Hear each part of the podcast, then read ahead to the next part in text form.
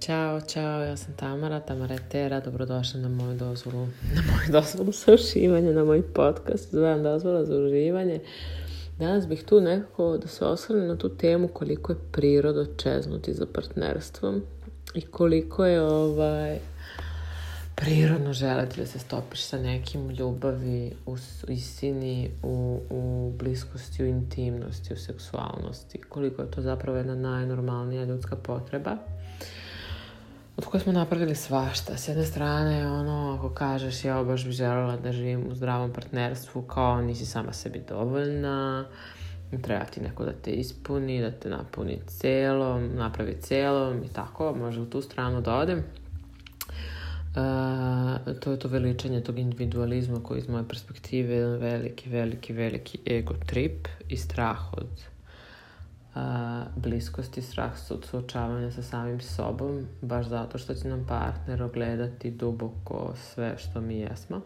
Znači to je jedna krajnost. Druga krajnost je da toliko mi je bitno partnerstvo da postajemo ono pijavica neka koja se prilepi za drugu pijavicu i mi tako životarimo i zapravo ne ostvarujemo se nego smo tu jer to tako treba i tako mora i tako. I to su dve krajnosti isto klatna kako ja volim da kažem zato što jedna hrani drugu i ovi večiti ovaj, beskonačno slobodni, samostalni ljudi koji se plaše bliskosti, mrze one tamo pijavice što žrtvuju svoju slobodu za, za ovaj, to neko zajedništvo, a ove pijavice što misle da je sve u žrtvovanju samog sebe i to prevazilaženju svojih, svojih granice, da bi, da bi kao imali nešto što ne, na neki način laž, mrze one tamo individualce i ovaj, pričaju kako su to neke samožive kučke i šta ja znam sad već. To su ovaj, sve oblici našeg postojanja, bila sam na obe krajnosti i, i samoživa kučka i ova pijavica.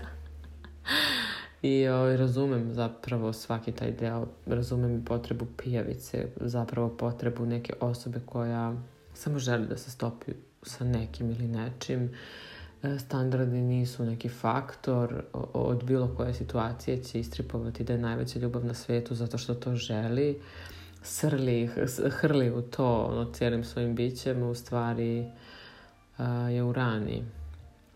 Bilo sam ta naravno u toksičnom odnosu ili kako ih vi zovete, nije ni bitno nezdravom odnosu, bilo sam i povređena i povređivala sam i znam da to nije put, jer je to bio put u kojem sam ja najviše izgubila sebe u dve godine svog postojanja, napustila sve svoje duhovne prakse, zato što mi je neko kao to tako rekao, iako ja to na neki način nisam htela, ali veličina te ljubavi ogledala se u tome koliko ću se ja žrtvovati. I ludo je kako u tim situacijama mi sebi zapravo možemo da izrelativizujemo stvarnost, kako se kaže, to jest kako možemo neke situacije koje je jednostavno bolesno, na primjer drogiranje, da napravimo neku romantičnu situaciju u kojoj mi se kao stapamo sa nekim kroz neke psihoaktivne substance. Ovaj, jako zanimljivo, da. Ja sam baš umela da od najvećeg pakla napravim romantiku i da sebi ispričam kako je to super i to nije zapravo kvalitet. Iako sam zaista mislila da jeste. Jako je bitno da umemo da kažemo evo je loše i ovo nije dobro za nas i ovo nije dobro za evoluciju moje duše i ovo nije dobro za moje zdravlje, moje telo.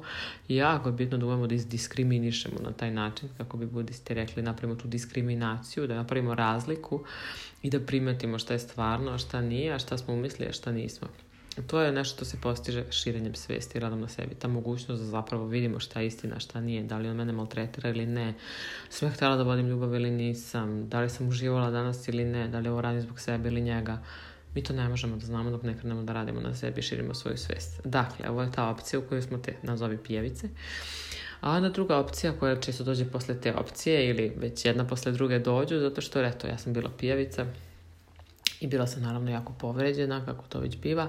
I posle toga više nisam verovala u ljubav. To jest, verovala sam ja u ljubav, ali ne za mene. I nisam verovala muškarcima, potvrđeno sada. I prosto nisam htjela da im se prepustim. Ja nisam mislila to tako. Ja sam mislila da ne nailazi pravi ili tako nekako da se izrazim. I imala sam više nekih, da kažem, površnih odnosa eh, u kojima osjećaj kao da sam ja bolja ili u kontroli ili nije mi to bitno pa se ne vezujem ili već tako je neki taj kao meni je bitnija moja sloboda, moja putovanja, moje sve, a oni kao kako ko dođe i šta već. A zapravo je bio ogroman strah od bliskosti, ogroman strah od toga da se ne zajebem opet s oproštenjem, ovaj, isto tako kao i prethodni put i da ne završim opet u nekim čeljustima, neke zveri, a mislila sam da je princ. Dakle, to izgledalo stvarno tako što ja prosto sam tako ultra slobodna, mnogo putujem i ne vezujem se i tako. I super je, nekako ja mnogo volim oba ta iskustva u mom životu koja sam imala jer su dragocena, jer ja razumem žene i na jednoj i na drugoj strani i razumem i da nekad verujemo da ne postoji ništa drugo i da razumem kako izgledati kada ja sam sa 26, na primjer, pomislila da nikad neću naći ljubav i da ću zauvijek ostati sama i pomirila se sa tom činjenicom i zaključila to sasvim ok ako je to to.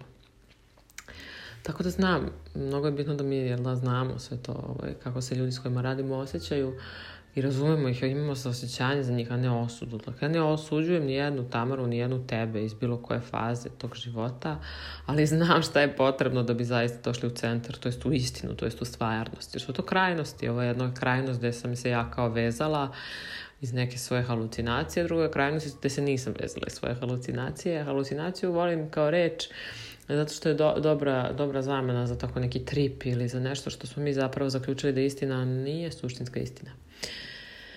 E sad kad spominjem istinu, sad ću stvarno naglasiti da do istine ne možemo doći ako, ako se ne bavimo širenjem sopstvene svesti i to je jako bitno da znamo da ne mogu ja da, da ovaj, spoznam istinu za tebe, mogu da ti uputim da da gledaš i tako kako da širiš svoju svest, ali tvoja svest mora da se širi tvojom voljom, da se tako izrazim. I ono što je dobro i loše isto vrijeme što kad krene da se širi više ne može da se skupi. kao kao ovaj neki pamučni pamučne stvari ili otko znam kao nešto što se posle ne skupi cipela. I to je super stvarno, ovaj, jer onda ekspanzija samo ide dalje. Uh, ono što hoću da vam ispričam jeste da postoji nešto treće od te dve, a nisu samo te dve krajnosti. Nije samo klatno između ja sa, ono, potpuno sam se vezala za budalu i nisam se vezala za budalu. Mislim, sa, sve te budale po znacima navoda u životu i dalje su mi, onako se setim, jako drage.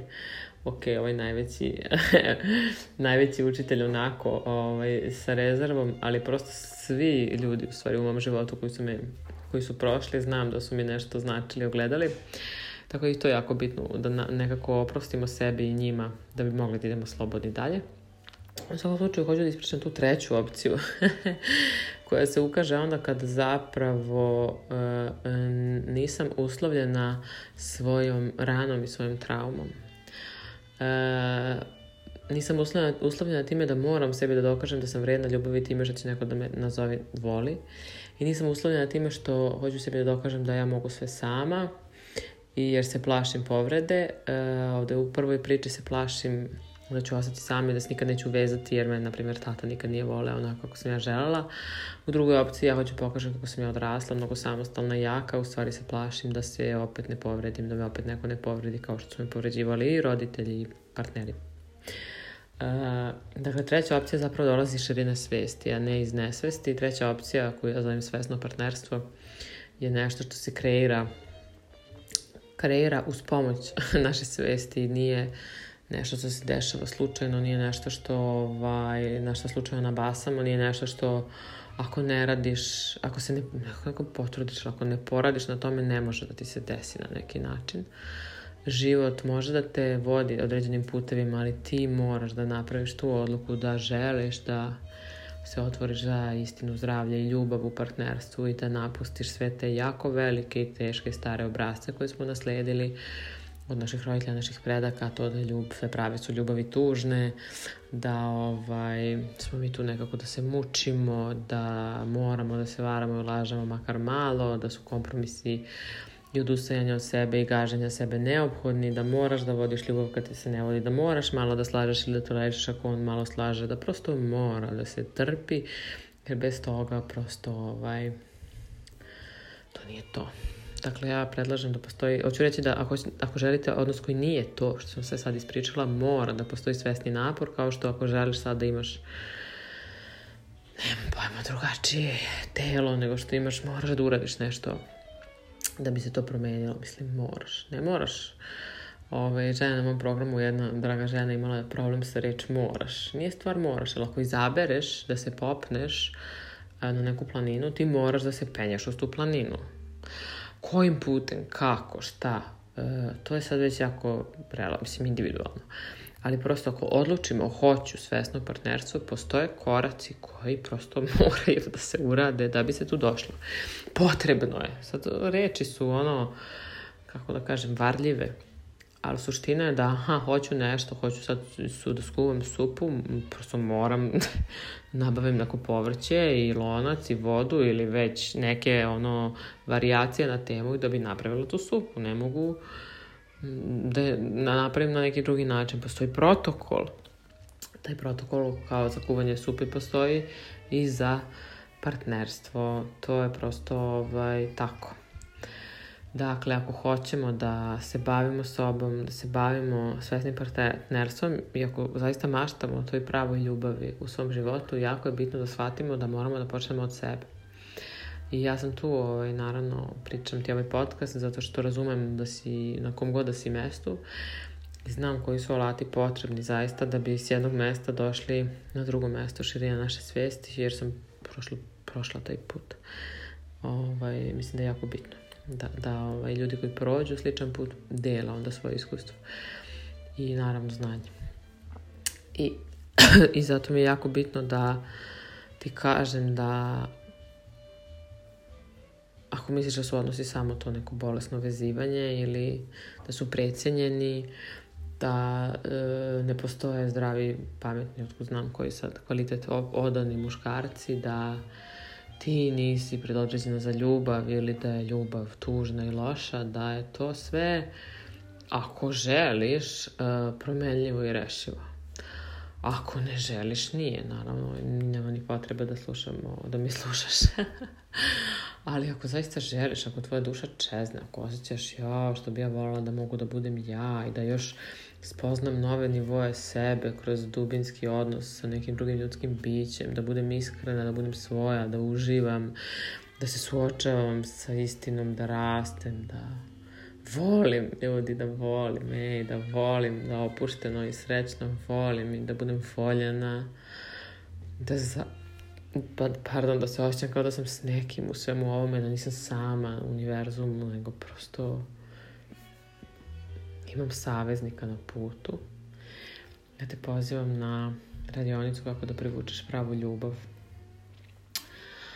koja se odigra 18.12. Ako ovaj podcast slušaš posle njenog odigravanja, snimak će biti dostupan za prodaju ne znam do kad, ali možda i dalje dostupan, proveri na mom website sajtu u okviru koje dobijaš dve jako bitne radionice za početak svakog rada na sebi, Vezne za isciljenje, rane nastale iz odnosa sa ocem i majkom. Ah, eto, ljubim te puno, hvala što si slušala podcast i nadam se da se vidimo na radionici. Ćao.